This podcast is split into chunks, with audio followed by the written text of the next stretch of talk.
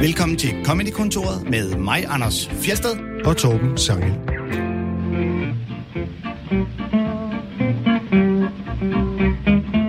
Det er Oscar-season over i USA, og som bekendt så er værterne til Oscar-uddelingen som regel komikere. Vi kigger nærmere på de forskellige Oscar-åbningstaler af komikere gennem årene i den her udgave, og måske også de kommende udgaver af Comedy-kontoret. Og i dag er vores gæst en komiker med en øh, meget stor tv-værtserfaring, dog ikke specielt med prisuddelinger. Det er nemlig Lasse Remmer. Velkommen til dig. Tusind tak skal I have. Dejligt at have, at have dig med, Lasse. Tak, mange tak. Jeg har aldrig nogensinde lavet øh, den danske Oscar-uddeling. Nej. Nej, men jeg har lavet Bodil-uddelingen et, et par gange, og den svarer Okay. mere til Golden Globes, ikke?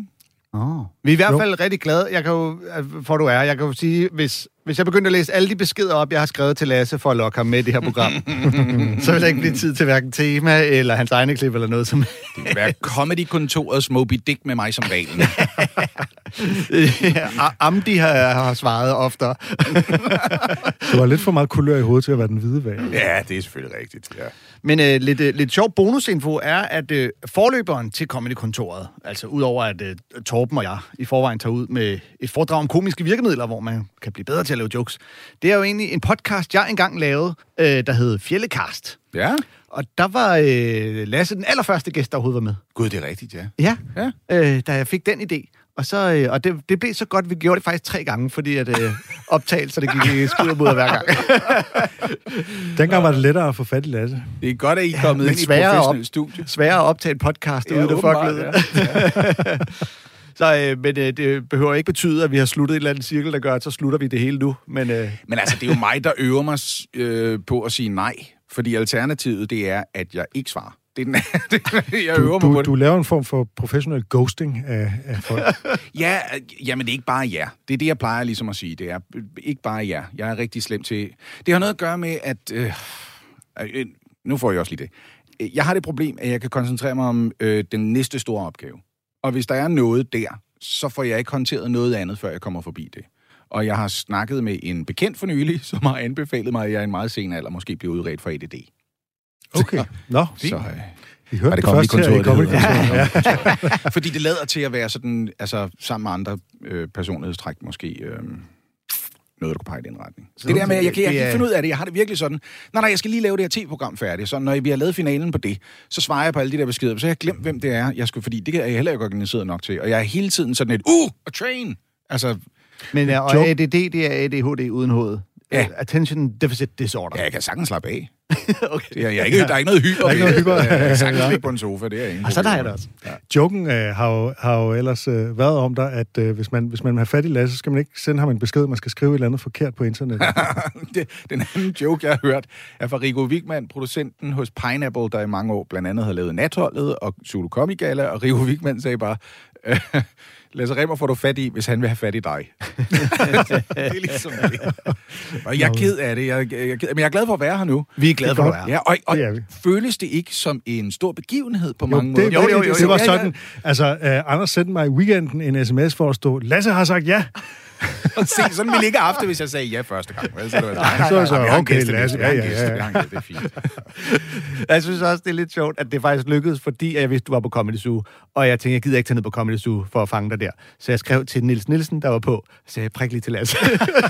Og så var det også konkret sådan, jeg har lige oprettet en fælles kalender for mig og min kæreste her i den sidste uge. Og nu er det meget nemmere at overskue, ligesom. Og nu husker jeg at skrive alle aftalerne ind i den, så hun også skal følge med i, hvad det er, jeg skal. Fordi jeg synes tit, vi har de der samtaler med, hvad er det nu, du skal de næste dage? Og Ja. nogle gange er det samme dag, hun ligesom siger, når jeg skal til noget fredagsbar. Så siger jeg, "Nå, men det er hyggeligt. Det vidste jeg ikke, men Nej. hyggeligt. Ja. Fedt, ses vi i morgen. Fedt. Kan vi andre få adgang til den kalender så Nej, også? det kan Til? Vi er der, det kan vi have dig med igen. det kommer ikke til at ske. Nå, det gør jeg. Lasse, er du øh, i gang med at optræde nu øh, her efter genåbning og sådan noget? Ja, jeg er lige kommet i gang. Jeg har været på, øh, jeg var på Comedy Zoo sidste weekend. Jeg har også været ude og lave et par firmajobs, og så kommer de ligesom boblende nu, ikke?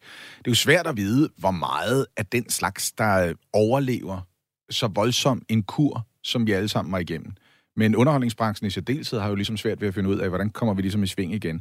Jeg misunder ikke de af mine kollegaer, som havde planlagt turnéer, og som måtte udskyde en masse jobs, for de kommer til at ligge meget oven i hinanden nu. Ja, lige ikke? præcis. Så bliver Ja. der simpelthen en kamp om ja, overhovedet at f- øh, altså, få lov til at optræde nok gange. En og, gigantisk overmætning. I forvejen så er der enorm rift om teaterne og spillestederne, og om folks opmærksomhed og deres kroner osv. Altså, kom ind og se mig for helvede. Og så ender man altid med en oplevelse af, åh, oh, så ligger jeg lige oven i den person og den person og den person, så måske mm. vi appellere til de samme mennesker. Men lige nu er det jo alle på én gang. Det er jo alle.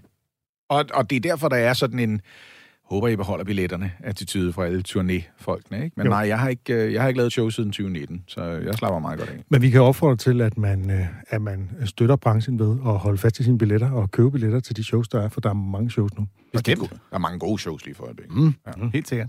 Vi, øh, vi, vi, 2019, og var det så øh, kæpheste? Nej, det var øh, Færre 3. Færre 3, ja. Ja. Ja. Nå, ej, jeg, Øh, håber, lige, jeg var lige på vej over en super god år. Ja, vi skal nemlig vi skal jo høre et klip med dig selv, Lasse. Nå, for og det skal vi høre fra, øh, fra showet Kæpheste fra 2016. Åh, oh, 16, ja. Der er Øh, væltet, væltet det nital der. Jeg ved ikke, hvor godt det show var. Men... Nej, men nu vil jeg jo spørge dig ikke, hvor godt det show var. Det lader jeg os andre om at bedømme. Men, men øh, hvad var det for et show? Altså, hvad var ideen med showet? Nå, men altså, jeg har jo jeg har jo lavet flere shows, som ligesom øh, øh, drejer som den ting, at jeg har noget mere... Jeg har en forvokset og usund betændt retfærdighedssans. Altså, jeg, som du selv sagde, du skal- øh, det er fint. Du, kan, du må meget gerne være uenig med mig. Du har ikke skrevet noget, der er forkert. Du må ikke skrive noget, der ikke er rigtigt. Jeg, bliver- jeg, kan ikke, jeg kan ikke have det. For jeg har det sådan, det kan være, der er nogle andre, der læser det og tænker, det er rigtigt, det der. Og så er der flere mennesker, der tror på noget forkert. Og det er sådan set ligegyldigt, om det er jorden, der er flad, eller hvad fanden det er, vi snakker om. Jeg, bliver, jeg er det der gamle tegneserie-meme, ikke? Du ved, jeg kan ikke gå i seng nu, der er noget galt på internettet. Ikke? Er someone's wrong on the internet. Ja, der er nogen, der tager fejl faktisk af den korrekte oversættelse. Ja. Det var du ret i, Torben. Du tror Øhm, ikke på, at jorden er flad? Og, og, og jeg tror, Don't get him started. og jeg tror, at kæphest er ligesom den bagvendte vej, som ligesom præmissen, da jeg begyndte at skrive, det var, "Nå, men jeg vil gerne skrive om nogle ting, som jeg går for meget op i, som jeg måske godt kunne tage stilling til, men det endte ikke med at blive det show. Nej, for jeg, havde, øh, jeg så showet i sin tid, og jeg havde nok sådan en forestilling på grund af den titel, om at, du, at nogle af de ting, som, man, som du skrev meget om på Facebook for eksempel, mm. øh, at det var nogle af de ting, du ville tage op noget om køn og politik og et eller andet, ikke? Ja, det var faktisk også det, der stod i noterne oprindeligt. Ikke? Okay. Altså, i mine noter var der for eksempel ting som, øh, du ved, øh, diamanter har ikke været noget værd i 100 år. Altså, hvorfor fanden kan vi ikke lægge den idé fra os, at at diamantsmykker er værdifulde. Diamanter er røv og fucking nøgler. Altså, altså hele, hele ideen om, at diamanter var evigt, det er jo simpelthen en slogan fra diamantindustrien Ja, fra præcis. 40'erne øh, Ja. i USA. Og det er dem, der har overbevist øh, amerikanske kvinder om, at de kan vise, hvilken værdi de har på partnermarkedet øh, ved at flashe deres mands indkomst, fordi, hey, forlovelsesringen, den skal repræsentere to månedslønninger for ham. Så jo større stenen er, jo federe en mand har du fundet, sådan rent økonomisk set. Det er super usundt. At det er så toxic, jeg slet ikke kan forestille mig noget andet. Og det er også skabt af diamantindustrien, som i virkeligheden i praksis er et de facto monopol. Ikke? Som ikke har anerkendt, at der er pisse mange diamanter. Men de var sjældne for 100 år siden, da det var farligt at grave dem op, og de var svære at finde. Nu om stunder, Prøv at høre, altså, du ved, du skal blive mere imponeret over at finde en parkeringsplads i København, end over at finde... Det kan også være dyrere. ja, det er jo rigtigt Og nok. det var så et af de emner, som ikke var med i showet. Præcis, præcis. Og, øh, så hvad var showet så? Det, så det var også derfor, jeg sagde, det endte ikke med at blive helt det. Der var måske en bit eller to, som pegede i den retning, men ellers resten af det var, det skal jeg ærlig indrømme, det var øh, det, og showet før var faktisk ikke min fineste hour, synes jeg. Jeg synes, det første og det femte show og det andet show, men det tredje og fjerde, det her det er det fjerde, jeg lavede. De var ikke gode nok, synes jeg. Det var så nogle, jeg begyndte at skrive, og så tænkte jeg, at min hjerne kommer mig til undsætning, og så skriver jeg det færdigt. Så det blev det, jeg havde skrevet, og ikke det, jeg ville skrive. Jeg synes, det vi skal høre nu øh, er sjovt. Ja, det synes Vi jeg skal også. høre et klip, der holder faktisk, Jeg, holder øh, jeg skæppen, så kan du flytte lyset selv.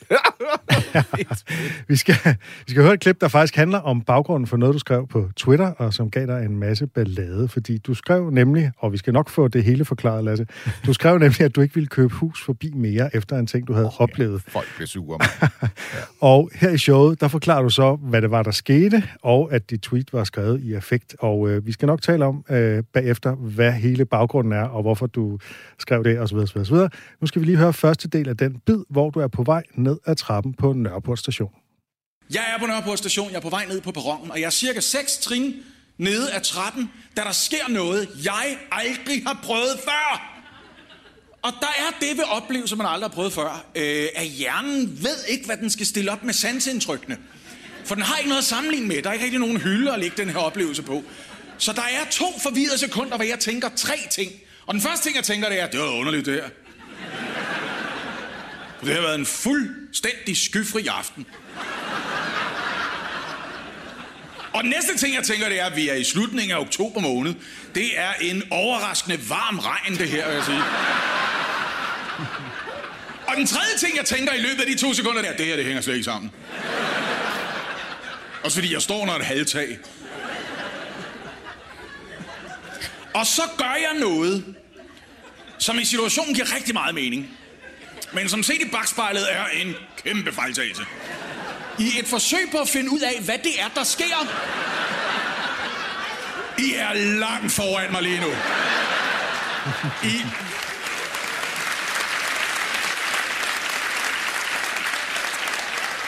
I et forsøg på at få hjernen til at indhente virkeligheden, så gør jeg det.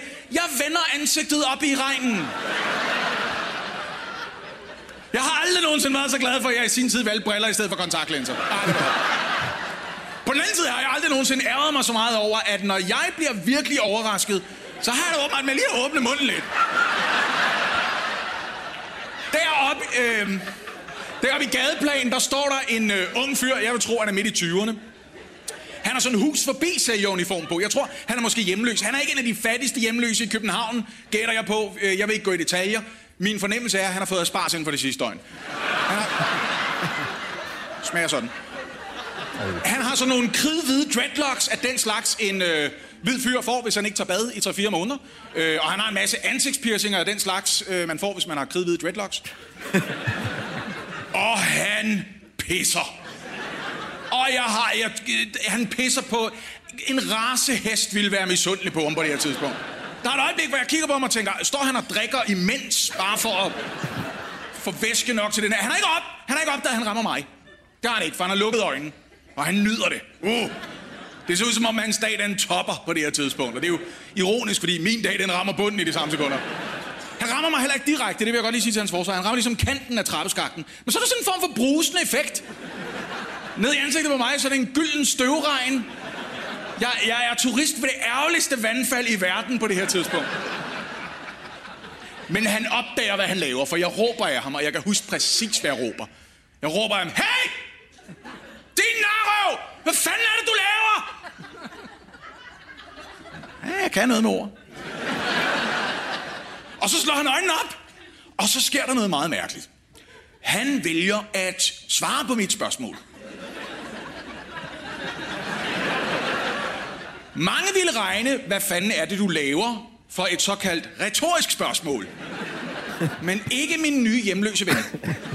Min nye hjemløse Han ser på mig og tænker åbenbart, han ser ud til at være over 40, men han har aldrig set tisker mod en tidsmand før. Jeg må lige fortælle om, hvad det er, jeg laver. Så han svarer sådan lidt omtumlet, jeg pisser. Og det bliver han så ved med. Så jeg råber tilbage til ham, det skulle du ret se, mand!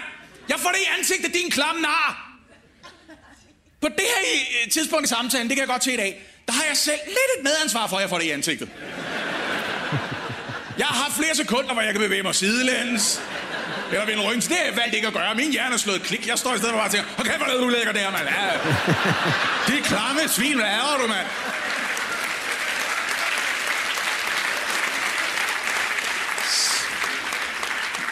Så man, man, man kan sige, der skal to til at blive tisset i ansigtet. Uha. Men mindre man kan stå på hænder og virkelig dårlig blærekontrol. Men han fanger budskabet, han får, han får øh, lynet op, og så går han. Øh, han siger ikke undskyld, men på den anden side, så siger han heller ikke, ja, det er, hvad man må regne med, når man laver sådan noget lorte-tv. Han går bare. Og jeg løber ikke efter ham. Fordi jeg kan ikke lide uenighed og konfrontationer i... Ikke i den virkelige verden. Jeg kan godt lide dem på internettet. Vild med dem på internettet. Jeg kan ikke lide dem i den virkelige verden. Jeg kan ikke lide, når folk er uvenner. Det gør mig utilpas. Og, og i øvrigt også, jeg har ikke lyst til at optrappe situationen. Vi risikerer at komme til at slås, og det gider jeg ikke. Jeg skal ikke tisses i ansigtet og have tæsk af en hjemløs fyr samme dag. Hvad skal jeg også sige, hvis jeg indhenter ham? Så er det vist min tur, kammerat. Der er ikke, der er ikke rigtig noget, der kan gøre situationen bedre, så jeg tager nederlaget i stedet for. Og så fortsætter du med at fortælle om, hvordan du så skrev nogle hurtige tweets på vej videre, og at du var i affekt, og det var derfor, du kom til at skrive, at du aldrig mere ville købe hus forbi. Og, øh, Det var en beslutning, der holdt i 24 timer, ikke? Jo, jo. Men øh, reaktionen Men, på det tweet varede nogle dage. Og så sætter jeg jo hælen i og siger, jeg er bare en politisk forbruger. Altså, det har der lov til. Jeg har der lov til at sige, når du hæfter solidarisk, det gør du, kammerat. Du står der iført et brand. Du Jeg er repræsenterer øh, hus Ja, forbi. For det, det, der sker på sociale medier, er jo, at der er, folk har ikke så meget fokus på, at det er surt, at du er blevet tidligt i ansigtet. De har fokus på, at så er det synd for nogle andre hus forbi sælgere, ja. som ikke er ansvarlige for ja. ham der. Og der er du faktisk den onde, fordi du nu vælger at stra- Ligesom hvis du har haft en dårlig oplevelse i Jensens Bøfhus, og så siger jeg, jeg går aldrig på Jensens Bøfhus mere, så er det synd for en af de andre Det Jensens skal du. Bøfhuser. Du skal komme på det andet Jensens Bøfhus. Det er jo ikke dem alle sammen, der er dårlige, jo. Det er jo, altså, det er jo noget vrøvl, det der. Det er i særdeleshed, det kommer jo... Nå, det, det skal vi ikke gå i gang med nu. Det kan jeg godt mærke, at vi ikke skal.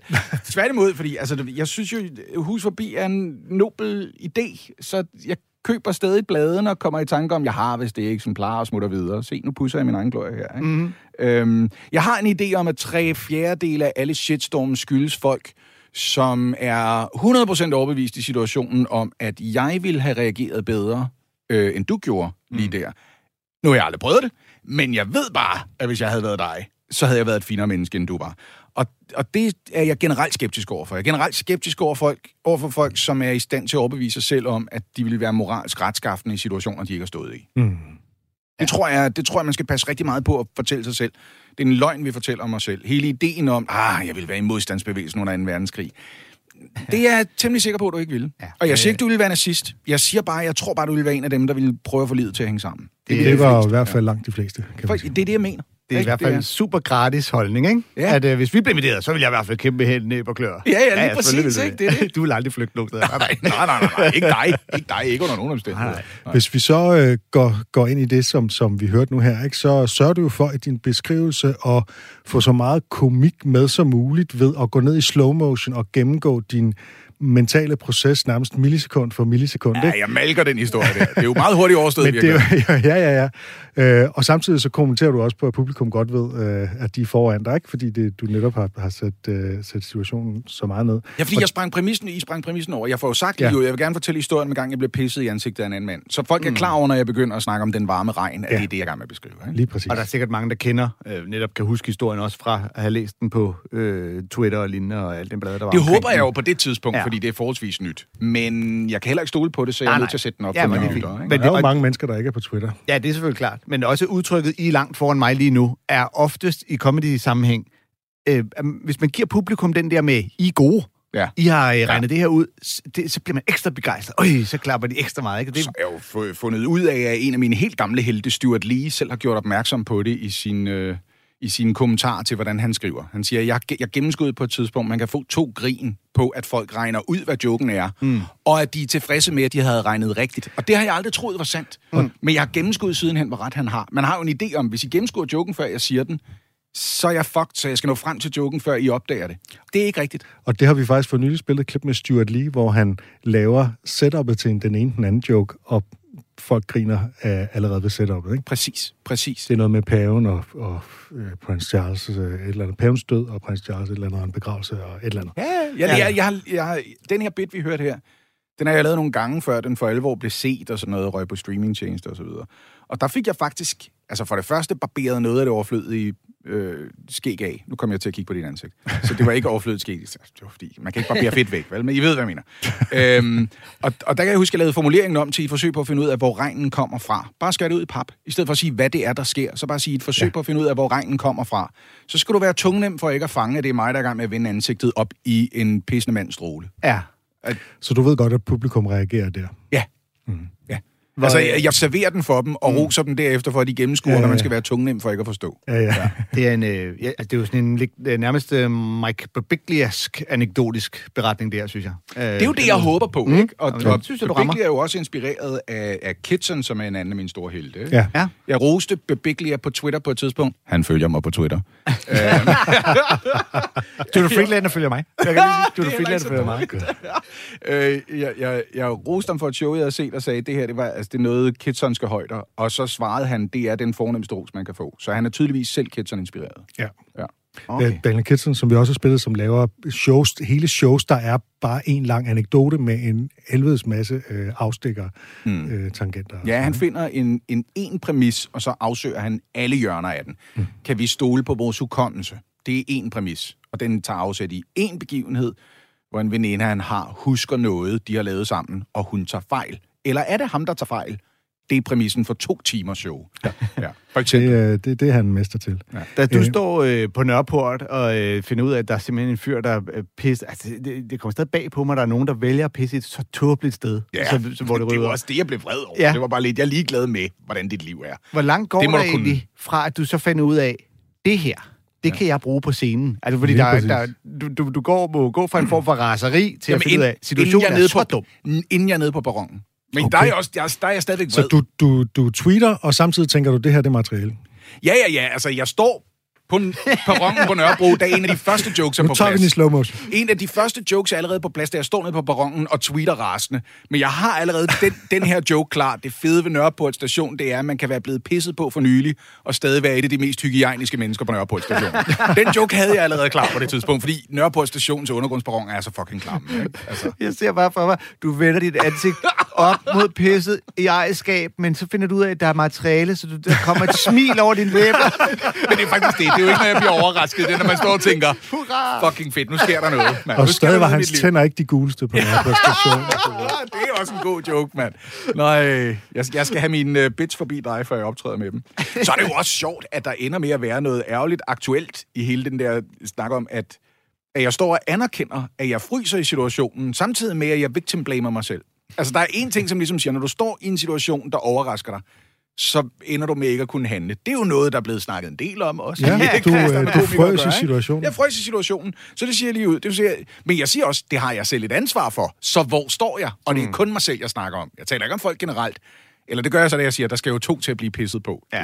Det er jo, det er jo, Vi, vi må lære vores mænd at flytte sig, når der er nogen, der pisser på dem. Eller, eller, eller skal vi nu også det, når det kommer til det. Skulle vi ikke bare lære folk ikke at pisse på dem? Ikke følge Twitter. Og sjovt nok, det samme Twitter, der siger, at Nå, men det kan vi gå i gang med. Ikke? Ja, den tror jeg, vi, øh, vi gemmer. Fordi vi skal også høre nogle klip, og du har nemlig taget nogle klip med, Lasse. Og øh, som det sjoveste nogensinde, der har du valgt et klip med en kending her i Comedykontoret, nemlig Doc Stanhope, Ja, tak. øh, fra det fremragende show Beer Hall Putsch. Der er så mange bits i lige præcis det show, at det var svært at vælge. Ja. Du har så valgt et, der handler om, øh, hvorfor man skal lave et show ud af velgørenhed. Øh, hvad er dit forhold til Stanhope i det hele taget? Og jeg, altså, jeg, han var en af dem, jeg overgav mig sent til, fordi jeg tror, jeg var lidt påvirket af det ry, han havde skabt for sig selv. Øhm, de tidlige albums, for eksempel, coveret på Sicko, det er en penispumpe og sådan noget. Jeg synes, det var sådan lidt, "Åh, jeg er ikke sikker på, at jeg vil kunne lide det her. Men så hørte jeg det bare ikke. Altså, og det var tænkte mit du ham sådan lidt som sådan en provokomiker, Ja. der ligesom, ja. Ja, ja, jeg tænkte, han var bare en... At han var groft sagt en pick patter komiker kan man sige. Ikke? Der ligesom tænker, nu er jeg ude og lave noget... Altså, du ved, jeg var ikke klar over, hvor begavet han var, simpelthen fordi jeg ikke havde hørt ham. Og det var dumt af mig. Så besøgte jeg hans hjemmeside på et tidspunkt for at læse øh, en historie om, hvordan han havde øh, løjet sig på øh, Jerry Springer Show. Og hvor, bare for sjov, som en prank, for at se, om han kunne. Og er det skidt det? Ja, ja. At han, han, han skabte en løgnehistorie, og så lavede de et helt Jerry Springer show om ham og en stripper, han kendte, hvor de bare løg. Det Og, da- og, og hvor store problemer det skabte for Jerry Springer bagefter, at han ligesom havde dokumenteret, I kan ikke stole på de fucking historier, der er på scenen i det her show. Og de var nødt til at trække det og ligesom bebrejde Stanhope for at have været en løgner og sådan noget, ikke? Findes det klip nogen steder? Altså, blev det overhovedet sendt? Ja, ja, det, jeg, tror, jeg ved faktisk ikke, om de nåede at trække det først, fordi det er så lang tid siden, jeg har Det læst den kunne være historie. så fedt, hvis det der lå ude på YouTube. Det vil jeg eddermame gerne Det se. ville være interessant, ikke? Men jeg tror Men jeg faktisk, tror, de nåede at opdage bare, det, før de viste det. Ja, jeg tror næsten, vi ville øh, på en eller anden måde være stødt på det, hvis det lå derude. Ja, Altså. ja, det skulle man næsten tro, ikke? Ellers så er det i hvert fald en uh, sensation. Altså, som jeg husker det, så var Stanhope jo en fyr, der drak lidt for meget og levede på stripperkæresters nåde og sådan noget, og ikke rigtig havde nogen penge, indtil han opdagede, at folk de griner, når jeg siger ting, jeg mener i en mikrofon. Så han havde ikke engang gennemskuddet, hvad der var, han lavede i første omgang. Og så har han lavet lidt en persona af den, der er sådan lidt, lidt drevne, småfuld og egentlig bare står og, og rappler lidt, ikke? Han- Selvom han det jo er fuldstændig velforberedt, ikke? Det, det, det, ja, altså han er jo enormt eksakt med, hvad han ender med at lave, men han siger også af et ærligt hjerte, at han bliver for nervøs, hvis han optræder ædru, og det er derfor, der altid står en spand øl på scenen. At det har han ikke kunnet lægge fra sig. Så han er småsnallet, når han går på scenen, siger han. Men han er også en, altså en fungerende alkoholiker, eller har været det i hvert fald en del af sine år, ikke? Øh, så, så derfor så kan han godt være lidt fuld, uden at miste kontrollen. Og han er en mester med en nøjagtig afvejning af ord, samtidig med, at jeg synes, der er en stemning af sådan klassisk jazz-solo over ham, ikke? Altså det, som nogle af de dygtigste, Patrice O'Neill og så videre, gør, ikke? De har, jeg har et tema her, men jeg spiller det ikke på samme måde hver aften. Altså det vil være, du kan se mig to koncerter i træk, og ikke få den samme solo, fordi jeg ikke, altså du ved, jeg ikke ligesom forlovet mig med, med de samme toner hver gang. Vel? Og det giver jo en eller anden form for liv og sådan autenticitet til hans levering. Mm. Lad os prøve at høre øh, den her bid om øh, velgørenhed. whatever your cause, your charity, or your drive, your effort, audit it. Make sure, because so much of it is symbolism over substance, where people think they're helping by doing nothing. Audit all the time and effort and see if you're actually affecting change rather than just, oh, we're going to have a 10K fun run for the cure. Come on down on Sunday. It's a 10K fun run for the cure. Why? Why? When has running ever cured anything? I don't understand the cause and effect on this. Is, is that how Jonas Salk cured polio? Is by speed walking around the track down at St. Mary's High School with a wife beater on and a paper number safety pinned to his back? Oh, we're doing it for the cure. How are you curing anything? Well, what I do is I get sponsors. And every time I go around the track another time, my sponsor gives me another quarter for the cure. So I gotta go as many times as I. are your friends that sick and sadomasochistic that they wouldn't just cut you a check outright for the cure?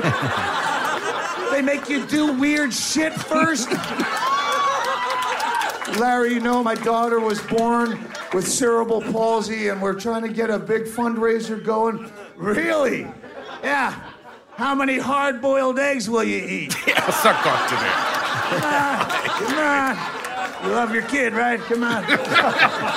no, they would cut you a check outright, but you're that much of a fucking megalomaniac that you have to make the cure about you. You need spotlight in this. You could just get a check, but no one's gonna fucking be Oh no, you know the truth is I do the same speed walk at St. Mary's every morning at 6:30 before work with my Labrador Sheba, trying to shed a few pounds, you know, but no one mm-hmm. claps for me then and calls me heroic, so I'm going to do it on Sunday afternoon for the cure and everyone's going to go, "Go Ray, go." yeah, you could do it, but you want to fucking it's a, it's a 10k fun run about you, you fucking megalomaniac. Stop it. You know you're not doing shit. You can just get the check from your friend and then actually do something that means something other than running. We're, we're getting donations and we're petitioning City Hall for a spot in the park to big, make a big granite slab for the victims and the sufferers and the survivors of the thing. And then we're going to painstakingly etch each name of the people into the stone at great expense for what? It's a fucking chunk of rock. It doesn't help. Put that time and effort and money into actually something that's calculated that actually helps. We're gonna knit a SARS quilt. It's gonna take all summer long. It's gonna take There's all people with summer SARS and they're chilly with SARS. And then you what? We're gonna have a, a prayer circle. We're gonna have a candlelight vigil at midnight. Could you do less? Mathematically, ask your accountant if there's any way you could do any less than that. Well, we are raising awareness. Raising awareness is another form of doing nothing. Only now you're making me aware that the nothing that I've been doing is not up to par with the nothing that you're doing for such a noble cause. Why don't you do my nothing for your cause? We'll watch Storage Wars for the cure. and we'll both be happy in our impotence. And we'll find out what's in that safe. we all win. Raising awareness is me standing next to a drainage ditch where a guy just hit a goat with his moped on the highway. And now they're in the ditch, laying in the muck with compound fractures, and the dude's got a bone sticking through his leg, and the fucking goat's got a bone sticking through his fur. They're both laying there in agony. And I'm raising awareness by standing above them, shouting down an empty highway. Look!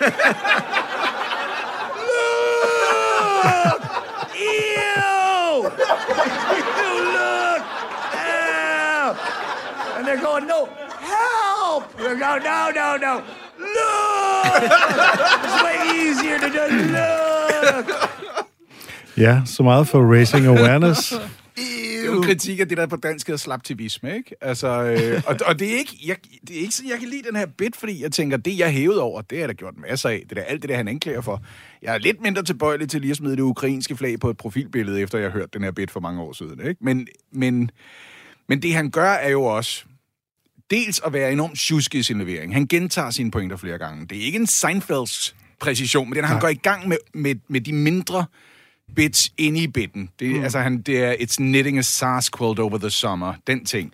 Men i mellemtiden, der når han ligesom at få polstret den lidt ved at gentage sine pointer du ved, you're a megalomaniac, og så videre. Han bliver ved med at vende tilbage til, could you do less? Og Men så det er jo aldrig en ordret gentagelse, det er jo altid variationer over det samme, ikke? Det er jo, og hvad han gennemskuer er jo så bare, er jo mere konkret han kan være med det billede, ikke? Du ved, some guy hit a goat with his moped. Det er mm. ikke standing above a traffic accident, fordi det vil være, altså, der, der er ikke billede nok i det. Han, er, han skal først beskrive, hvor redselsfuldt det er, ja. før det virker dumt, at der står en mand og råber ned af en tom landevej kig! Men så han ovenikøbet tilføjer, ad! altså, det er sådan øh! Ja, det er det samme med ham, der går turen øh, hver morgen ja. med sin labrador, der hedder Shiba. Ja, altså, lige det, præcis. Det detaljer, så du lige... også ved, hvad det er for en person, det ja. er, ikke? Ja. ja. Og det er jo det der med, altså det er jo en rant, det her, ikke? Og i rants, der har man sådan nogle generelle pointer, som sådan ja. måske kommer igen og igen, fordi man er helt ophidset, men man har jo på forhånd, man kender, man har nogle meget præcise billeder, Bill Burr er også god til det der med, at han siger egentlig noget generelt, men der kommer nogle helt specifikke ja. ting undervejs, hvor mm. man der kan man høre, den her, den har du skrevet hjemmefra, har, ikke? For ellers en... så lyder det, som om du egentlig bare står og hisset op, ikke? Og du leder hele tiden måske efter en bedre måde at formulere det her konkrete billede på, ikke? Doc Stanhope bygger også øh, sine bits omkring sådan nogle tilpæle, der bare er meget skarpe formuleringer. Nogle gange bare altså, libertarianske synspunkter, kan man sige. Han er jo en mm. glad ateist og kritiker af en stor stat, og ingen skal blande sig i mit liv. Ja. Fordi i sidste ende, så går ejendomsretten som minimum til min egen krop, siger han. Det er også derfor, han har den der oplevelse af, så gør, hvad du vil med stoffer osv. Det er din krop, hvis ja. det ikke går ud over andre. Det er den klassiske hakkebakke ting. Så en af de ting, jeg har citeret mest for, fordi det rammer mig. Jeg elsker, når det rammer mig. Det her det er jo ikke mig, som sidder og griner og andre sammen med Doc Stanhope. Det er, fordi jeg ved, jeg har gjort det, han anklager folk for her. Har du løbet 10 km? Nej, det har jeg ikke. Men jeg har da engang været virkelig dårlig i en fodboldkamp, fordi undskyld undskyldning var, at vi ville hjælpe nogle folk i Afrika. Ikke? Altså, ja. jeg kan jo ikke spille fodbold, det ved alle. Mm. Alle ved, at det er... altså, du vælger bænken, før du vælger mig, ikke? når vi er første anden vælger. Øhm, en af hans formuleringer, som jeg altså, har citeret ham så ofte for, det er, I will call you stupid for not knowing shit I just found out about yesterday. Ja. Og det rammer min intellektuelle forfængelighed så slemt. Altså mm. hele den der ting, vidste du ikke det? Ja. Vidste du ikke det? Jeg har lige selv læst det. Ja. Mm. Men der er stadigvæk, hvad? Nå, det vidste du ikke? Okay. Faktisk, hvis man lige selv har læst det, så egentlig helst lige spørge et sted, om nogen ved noget om det her, så man lige kan punkte. så man kan sætte dem op til. Nå, vidste, du ikke det? Vidste Nå, du ikke det? Vidste du ikke, at diamanter ikke er en skid værd? vidste du ikke det? For det vidste du ikke. Men jeg synes, det som uh, Doc Stanhope er så god til, og uh, Bill Burr for den sags skyld også, og nogle gange sent som uh, Torben Chris herhjemme, det er, at, at han, han får os til at forstå noget af åndssvagt, som man egentlig tænkte var en god ting. Mm. Altså ja. i stedet for at sige, jeg hader det her, hvor jeg siger, ja, det hader vi også, ja, det er dumt, ja. så tager han noget her, hvor man sidder og tænker, nej, det, det er da godt, og når han så er færdig, sidder man og tænker, ja, det er rigtigt, det er fandme dumt. Ja. Altså, han får simpelthen en øh, overbevist om et modsat synspunkt, af hvad man egentlig havde fra start. Ja, han kritiserer ting, som, han har en bit på et tidspunkt, som, som bare er en kritik af udtrykket respect the troops, ikke? Mm. honor the troops. Så siger, ja, det vil jeg ikke. Meget det vil jeg ikke. Jeg vil gerne, dig vil jeg gerne. Mm. Dig, hvis du er en god fyr, der har gjort noget godt i en uniform, super. Men det er ikke bare sådan, du tager en uniform på, og så kan jeg lide alt, hvad du gør. Nej. Du kan være et røvhul i en uniform. Ja. Så, og det er igen sådan en appel til, lad os kigge på folk som individer, snarere end som en ja. identitetskategori, kan man Og han, han er jo en udfordrer. Jeg, jeg synes, det er jo fedt, fordi jeg tit er, er mere eller mindre uenig med ham. Nogle gange er jeg også enig med ham. Men, men det der libertarianske synspunkt er jo tit sådan en, en tankeprovokation, fordi det er, mm. meget, det er meget, et meget rent synspunkt, men det er også provokerende. Ja. Og der er især nogen bider omkring, altså abort i uh, Somalia og sådan noget, eller sådan ja, det, somaliske det, det kvinder, der får alt for mange børn og sådan noget, ikke? hvor han brokker sig over, hvor fanden skal de have så mange børn, hvor det er som om, okay, du, du har overhovedet ikke tænkt over privilegiespørgsmålet her, ikke? Og så nogle gange, ikke, så laver han også bare bits, hvor han ved, det her, det sætter en dagsorden. Han åbner et show med den her ting med, nu skal jeg fortælle jer, hvad jeg kan lide ved folk, der laver børnepornografi. øh, det er ikke egoet, der driver værket. Og det kan man se på. Der er ikke nogen navn på rulleteksterne. altså, du ved, det er ren videnskab, der gør, at de arbejder med det her. Det er jo en sindssyg ting at sige, men mm, man skal også ja. være med på, at hvad han bagvendt siger, det er, det her er af forståelige årsager det mest skamfulde, du kan gøre overhovedet. Ikke? Og hvis nogen skulle være i tvivl, så har Doc Stanhope faktisk personligt været sådan en, der chikanerede øh, folk, der groomede øh, mindreårige på nettet og sådan noget. Altså, altså ja, der, det, det er absolut intet forsvar for børneporno. Overhovedet ikke. Det er en det er igen en måde at, altså, du ved, at, at sætte en dagsorden på, som siger, jeg kommer til at formulere ting for jer, som I ikke vil bryde jer om øh, på grund af formuleringen.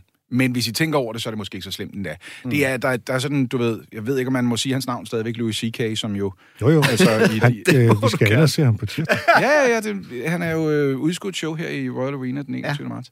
Øh, han sagde for mange år siden, jeg har en præmis, som jeg ikke kan få noget ud af. Jeg ved bare, det er sandt. Jeg ved, at hvis det var mere, hvis det var mindre socialt uacceptabelt at, at, at gøre noget pædofilt, så ville flere børn overleve. Fordi pædofile sexforbrydere slår deres ofre ihjel for ikke selv at blive opdaget. Hvis nu de ikke var så bange for at ryge spjældet, og hvordan de ville blive behandlet derinde, så kan det være, at de ville lade vidnerne overleve. Og så sagde han, og jeg ved ikke, hvad jeg skal stille op med det, jeg tror bare, det er sandt.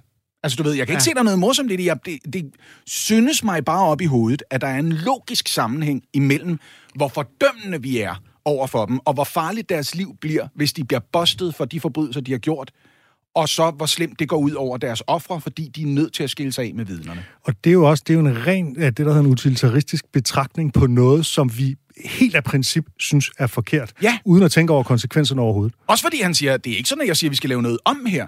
Jeg, jeg konstaterer bare, at der er en negativ sideeffekt ved noget, vi ikke har lyst til at lave om på, fordi der er gode grunde til, at vi har det sådan her. Men selve den konstatering vil være så provokerende, fordi den går imod den, den dybere liggende, det dybere liggende forfærdelse over, at det overhovedet findes. Ikke? Der er jo ikke nogen mennesker, i særdeleshed ikke forældre, jeg er selv far, som ikke tænker, der er ingen grænser for, hvilken vrede du vil mærke, hvis du gjorde nogen, jeg holder af for træet.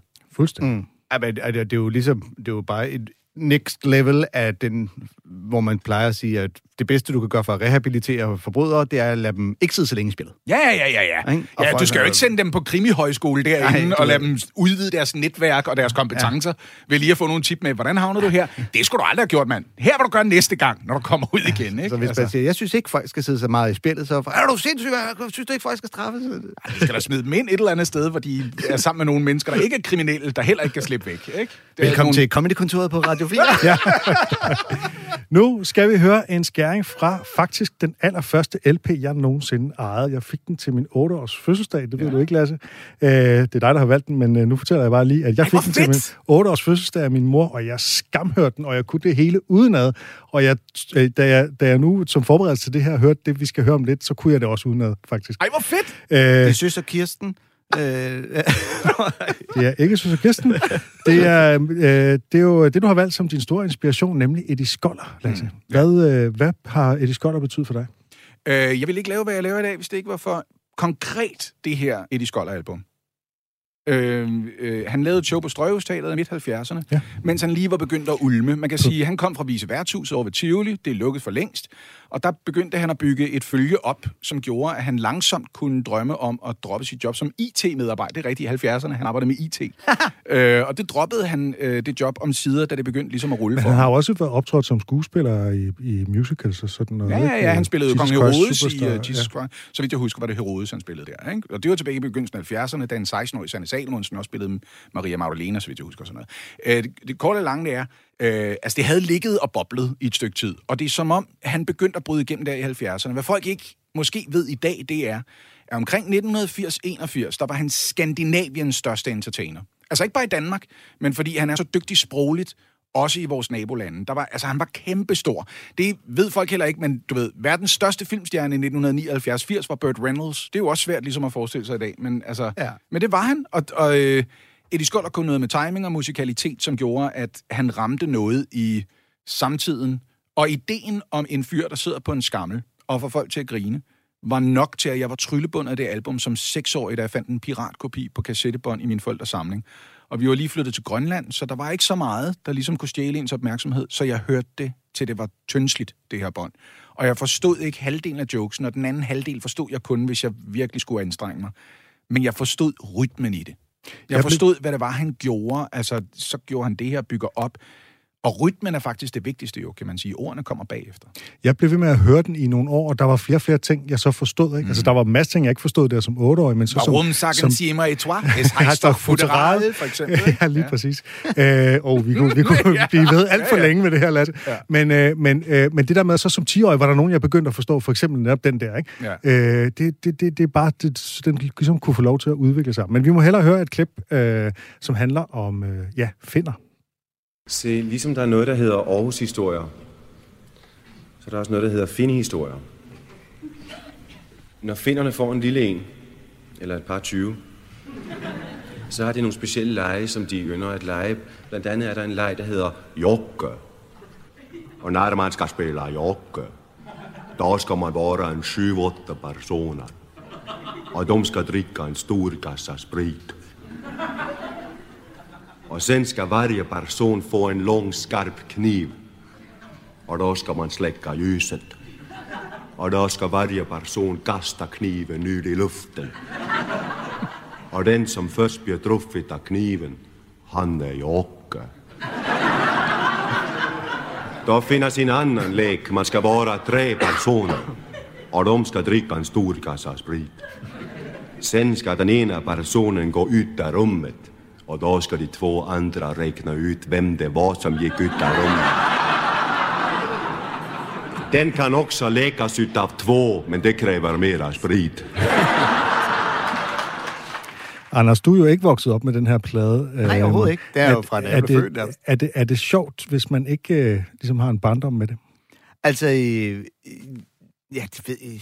Nu hørte, det er jo første gang, jeg sådan, øh, hørte det her rigtigt. Jeg har hørt folk referere til det og snakke om det.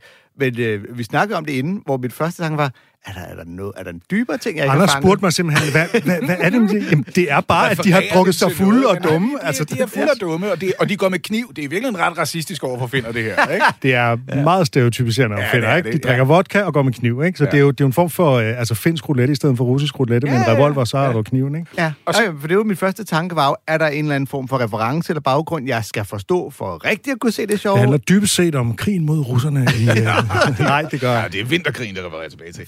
Nej, det er, det er bare, du ved, I er så fulde, I kan sidde tre mennesker, en går ud af lokalet, og så skal de andre gætte, Ja. ja. hvem der forlod lokalet, for så fulde er I. Det er bare en... Så det er også sjovt. Og, Ja, men det er det. Og, så netop top, men jeg kan også godt lege den to. Det er jo ret skægt. Og så gik det op for mig, da jeg genhørte den her bit, at en af mine tidligste jokes i praksis sådan ligesom er en homage til den her joke. Altså, Nå, må vi høre den? Meget tidligt. Nå, men den, og det har været sådan en... Øh, det har været sådan en showsaver nogle gange. Altså, det er, når, hvis du til en fest, og du sidder ved kedeligt bord, så øh, trækker en 3-4 mennesker, du ikke kender for godt med ud på toilettet. Så låser du lige døren. Så sætter jeg en lille hestesko rundt om toiletkummen og spiller brætspil. Øh, og hvis I ikke kender brætspil, jeg kan lige forklare reglerne. Man sidder nogle stykker rundt om toilet, skiftes til at stoppe hovedet ned i kummen. Så er der en af de andre, der vipper brættet ned i nakken på en, og så skal man gætte, hvem der gjorde det. Mm. Og og det her ligesom var det, der gjorde det til en saver joke. Yes. Hvis man gætter forkert, så skal man bunde. Det er klart, det er en af. Altså, du ved, og det er, jo den, det er jo stort set den samme joke, mm. bare uden sprit, kan man sige, ikke? Og finder. Ja, og så er det, et, og så er det sådan et, du ved, en 22-årig Lasses idé om, det er sjovt at lidt ordspil på brætspil, ikke? Mm. Jo, Ja. simpelthen. Det var, det var det. Og jeg kan huske, at øh, første gang Amin Jensen hørte den, fordi vi startede jo cirka samtidig, han og jeg, så kom han over til mig og sagde, den har han sgu ikke regnet med, øh, at den der joke, den ville virke der. Det er han virkelig overrasket over, at den virkede hver gang. Og jeg havde det på samme måde med en af hans, hans tidlige jokes, hvor jeg ligesom tænkte, jeg forstår ikke, at folk griner så meget af den der joke. Han havde sådan en, du ved, noget med, at øh, nu kunne kvinder blive mødre som nogen af 50 år eller sådan noget, ikke? Altså, så det betyder, at... Så havde han sådan en idé om det der med, hvor gammel du bliver, når, når dit barn kommer til dig og siger, jeg lige tabt en tand, og så siger mor, det har jeg da også. Ja. Og, og der tænker ved mig selv, "Nå, ja, men ja, ja. Ja. Og den slagtede, den joke. Og det havde jeg ikke gennemskuddet, hvorfor den gjorde det. Nej. Der var meget, man skal lære, når man Ja, starter ligesom med, hvad er det for virkemidler, der fungerer. Og det her er jo også et eksempel på, at i mange år, der var comedy sådan dygtige entertainer, som samlede gadejokes op og lavede deres egen version af dem. Mm. Det er jo street jokes, det her. Ja. Det er jo det er en ting, jeg har hørt nogle af de store revyfolk brokser en lille smule over, at internettet har gjort det svært for dem at skrive revysketches. Fordi tidligere, der kunne man godt lige smide en saver-joke ind, som man havde hørt ja. ved et godt middagsselskab. Mm. Og så havde alle ikke hørt den endnu. Mm. Men alle har hørt alle de gode jokes nu, hvis. Ja. det var noget værd, mener de. Og omvendt, så er der jo mange one-liner-komikere, der oplever, at deres skrevne, øh, hårdt skrevne og opførte jokes, de bliver til street jokes, øh, som mm. folk bare går og fortæller, ikke? Jo, jo. Uden, uden Ja, at ja, ja. nævne, øh, at det er egentlig en Stephen Wright-joke eller et eller andet, ikke? Ja, Ja, ja, for Jodel og Reddit og lignende bliver jo 9gag, bliver jo et sted, hvor folk de lynhurtigt bare smider komikers jokes ud, uden at... Ja, for lige at få lidt clout, som det hedder blandt de unge, ikke? Ja. ja. Så, øh, men øh, Eddie Skoller, stor idol, øh, inspiration? Ja, fordi det var der, det startede, og da jeg, da jeg begyndte at synes, at comedy var spændende, der troede jeg, at så skulle man også kunne noget med musik, og det var derfor, jeg ikke forestillede mig, at jeg skulle lave det her. For alle mine tidlige idoler var bundmusikalske. Det var sådan noget Jes Ingerslev, Jesper Klein, Tommy Kenter blev meget hurtigt mit helt store idol. Okay. I begyndelsen af 80'erne, altså han lavede to albums, og det, jeg hørte dem også til døde. Var der og også tænkte musik på dem? Ja, det var der. Øh, Nattens sidste cigaret, der er øh, den glemte café og åbningsnummeret på Nattens sidste cigaret, og det er sådan... Det, jeg godt kunne lide ved det, var også, at han turde være melankolsk og sådan noget. Altså, han turde også ligesom prøve at få folk til at tude lidt, faktisk. Ikke? Og det kan man sige, det var det, jeg genfandt hos Kitson sidenhen. Kitson var ikke bange for at sende folk ud med lidt en klump i halsen og et stort smil på læben. Ja, meget følsom komiker. Mm. Og så er Eddie Skold er jo også øh, succes hos de unge damer. Nå, Øh, der er mange, mange du- steder, man kan være Det har, ja, det, lade sig inspirere. det, har, det, har, det har Tommy da også haft, kan man sige. Ja, der er der nogle stykker. af kager. Ja. Jeg tror hellere, at vi må gå til Unge vores kager, tema. nylavede kager. Jeg tror hellere, vi må gå til vores tema nu, Nå ja. som er øh, Oscar-værternes åbningstaler. Jeg troede aldrig, vi ville nå til det. Nej, men så er det godt, jeg er strammer i det her. Og det er derfor, du sagde, at vi kommer nok til at gøre det i flere programmer, fordi du vidste, at jeg var her, og så tænkte vi, når det ikke. Lige præcis. gang. Hvis du vidste, hvor mange det er Lasse, vi behøver ikke at have nogen klip-jokes, vi har øh, fyret af, så... Øh... Nå, men øh, vi har jo allerede nået nogle klip, og nu når vi nogle flere, fordi der er Oscar-uddeling snart, og øh, derfor så kigger vi nærmere på noget, som vi har manglet i de senere år, nemlig at der er en komiker som vært, og øh, som måske ikke lige er lige så hardcore i, øh, i sine jokes, som Ricky Gervais er til, til Golden Globes, der er Oscar sådan lidt pænere i det, ikke? Men som dog sørger for at bringe sådan lidt drilleri ind i det her ellers sådan lidt selvhøjtidelige awardshow. Øh, Lasse, har du sådan en yndlings Oscar-vært? Altså, her er mit problem, ikke? Det var, at i mange år, øhm, der hæppede jeg på... Åh, nu undslipper hans navn mig lige, fordi jeg har jo deponeret al min paratviden på internettet. Billy Crystal? Nej, Neil Patrick Harris. Neil Patrick Harris hæppede jeg på i mange år. Øh, og han var så stor en favorit, efter at han havde lavet øh, teaterprisuddelingen på Broadway, og han var så fucking dygtig til det, men hans åbningsnummer var så skarpe. at Jeg gik bare og ventede på, at han fik det. Og så gav de ham åbningsnummeret det år, hvor det var øh, Baldwin, og jeg kan ikke engang huske, hvem den anden var, men det var hele ideen om, at vi er nødt til at have et åbningsnummer, og det kan de her to gamle Steve mennesker Martin, ikke. Det var, det var Steve Martin sammen, og det er mærkeligt, at man ligesom med Steve Martin tænker det. Jeg kan huske, at øh, da han til sidst bliver løftet op i sit åbningsmusikalske nummer, Neil Patrick Harris, der den ene af de to dansere, der løfter ham, er Sonny Freddy Petersen. Nå, Undskyld, det ikke Sonny. Øh, Mickey? jo. Jo, Sonny. Ja, Ja, ja, det er Sonny Freddy Petersen. Er den ene af de to dansere, der løfter Mickey. ham op i... Nej, det var ikke Mickey. Det ville være mærkeligt, ikke? øhm, øh, Det er skægt. Ja, det er ret vildt. Ja. Da vi sad og kiggede på det, og tænkte, det er fucking Sonny Freddy Petersen, der løfter Neil Patrick Harris her. Ja. Øhm, men desværre, da de omsider gav det til Neil Patrick Harris, der synes jeg faktisk ikke, han var så god. Det var lidt synd. Jeg synes, han var meget... Ja. Jamen, det er sådan, det går nogle gange. Jeg Så synes, det er i virkeligheden ikke din yndlingsvært, når det kommer Nej, til stykket? nej, det, det viste sig, det var det ikke. Og jeg havde håbet lidt det samme om Chris Rock, der i mange år sagde, det ville han ikke, fordi han mente, det var ligesom destinationen. Det er ligesom at inde på TV2 Charlie, ikke? hvor jeg i øvrigt også er. Men altså, du ved, det er lidt, når man, der er ikke nogen vej tilbage. Du kan ligesom ikke gøre dig selv yngre og hippere. At du kan lave alle de andre awardshows, men når du laver Oscar-uddelingen, så er du blevet en af... Ja. Altså, så går du på krykker, ikke? Øh, og han endte også med at gøre det. Så jeg er måske egentlig i nyere tid bare stadigvæk sådan en gammel Billy Crystal-fan, men han var også venlig på en eller anden måde. Han var så rar, altså du mm. ved. Hans, hans åbningsmontager, hans, du ved, sange, hvor han når alle bedste film nomineret igennem og sådan noget, ikke? Det var, Jo. ja. Det ved jeg ikke. Øhm, de, de hæver ham jo ind for ligesom at redde sig selv. Det år øhm, Eddie Murphy sprang fra, der virkede det også, som om han var blevet for gammel egentlig. Det var mm. lidt synd, ikke? Lad os øh, hoppe helt tilbage i tiden til 1953 til at begynde med et lille kort klip, hvor øh, Bob Hope var vært, og det var han jo i rigtig mange år.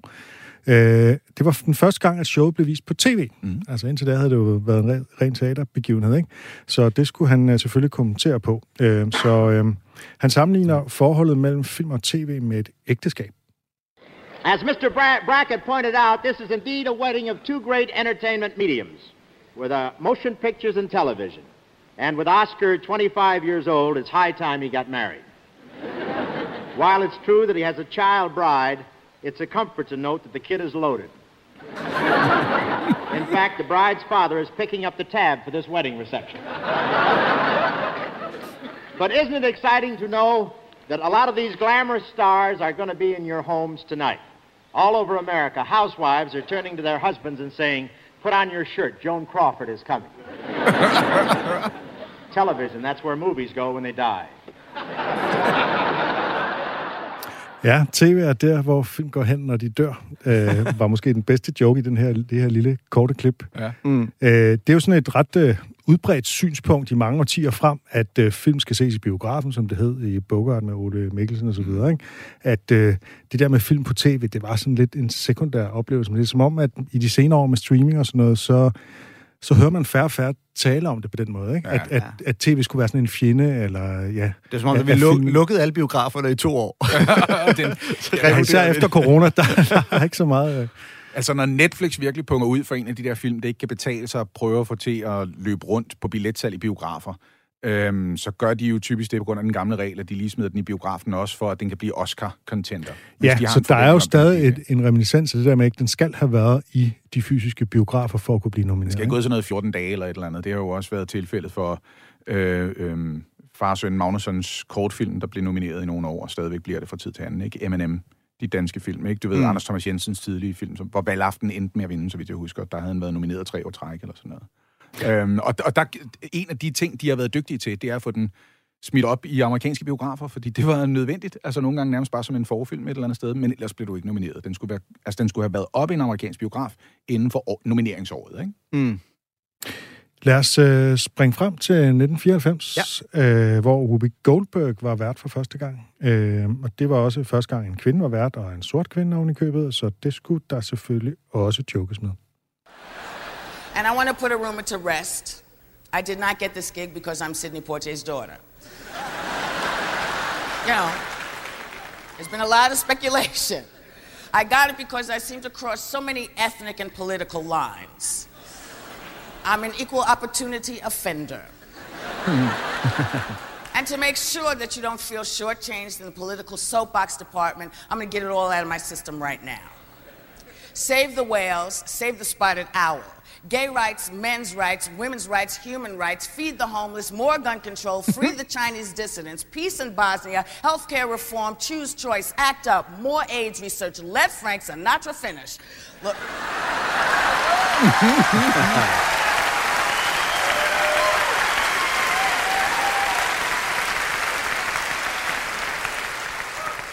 Lorena Bobbitt, please meet Bob Dole. Oh, det var Bobby-joke-tiden.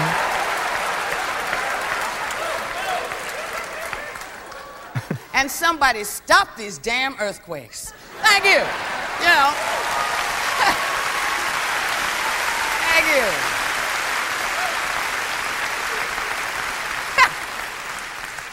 Whew. I think I took care of everything, didn't I? Including my career. Anyway. Hun, øh, hun ramser sådan en masse politiske mærkesager op, ikke? og det, øh, det er jo egentlig en listejoke, hvor hun så pludselig kommer med den her Let Frank Sinatra Finish, mm.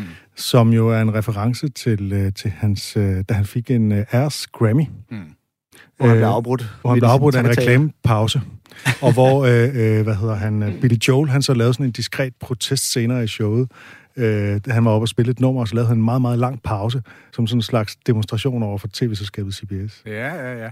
Ja, der kan man sige, øh, 15 år senere havde det været let Taylor Swift finish, ikke? ja. Ja. Men det, jeg synes, det er sjovt at høre, hvordan det her 1994, og altså den der med at sige, nu skal jeg lige få sørget for, at jeg har sagt alle de rigtige politisk korrekte mm. ting med det samme, det kunne man jo også have sagt, altså du ved, inden Ja, for ja. de sidste 5-10 år, hvor det havde været aktuelt på samme måde. Jeg tror, der er sket et skred imellem øh, 94 og i dag, ikke? Og det er, i dag tror jeg ikke, man med samme begejstring vil lave øh, John Wayne Bobbitt jokes og Lorena Bobbitt jokes. Hun, øh, Ja. han var Det kan være, du lige skal forklare den. Altså, Kort. prøv at høre, det var en sag i et ægteskab, hvor, hvor, hvor han behandlede sin hustru elendigt. Han var for drukken, han tævede hende, og til sidst fik hun nok og skar hans tissemand af, øh, og kørte fra huset og smed den i et grøft et sted i nærheden. Og så ringede hun og fortalte, hvor hun havde smidt den henne, og det betød, at man kunne genindhente den, og den blev syet på igen, og han lavede ovenikøbet en pornofilm, der hed Frankenpenis, eller sådan noget. øhm, men, men dengang var det en...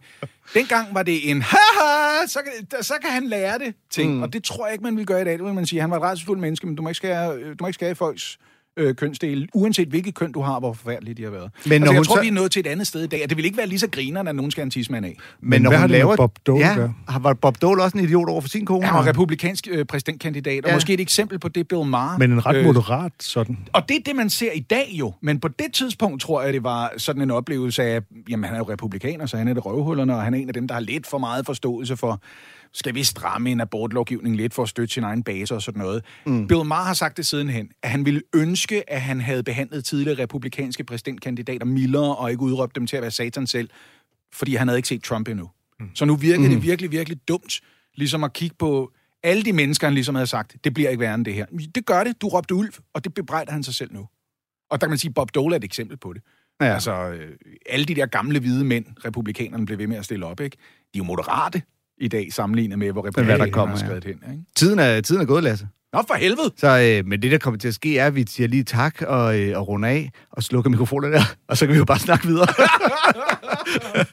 men, øh, Og hvornår men, øh, ses vi igen? Ja, ja. Næste uge? Men øh, tak for, øh, det du gad at være med i Comedy-kontoret. Ej, men øh, det har jeg da altid gerne ville. Hvorfor har jeg ikke spurgt? Nå, du kommer ikke ud, før vi har en ny dato i kalenderen. Ligesom hos Om det så er i september er låst, eller et eller andet. Herovre? Ligesom frisøren, hvor man aftaler næste frisørtid. Tak til alle jer, der lytter med. I kan følge med ind på vores Facebook-gruppe øh, Comedy-kontoret, hvor vi lægger op, hvad det er for nogle klip, vi har lyttet til i dag. Hvis du lige vil ind og finde dem og høre igen. Og så vil jeg slutte af, som altid, med et øh, citat. Det bliver Doc Stanhope igen i den her uge, som på et tidspunkt har sagt, It was either me or Confucius that said, The journey of a thousand miles begin with a vicious ass raping at airport security. Hey. Åh, nej.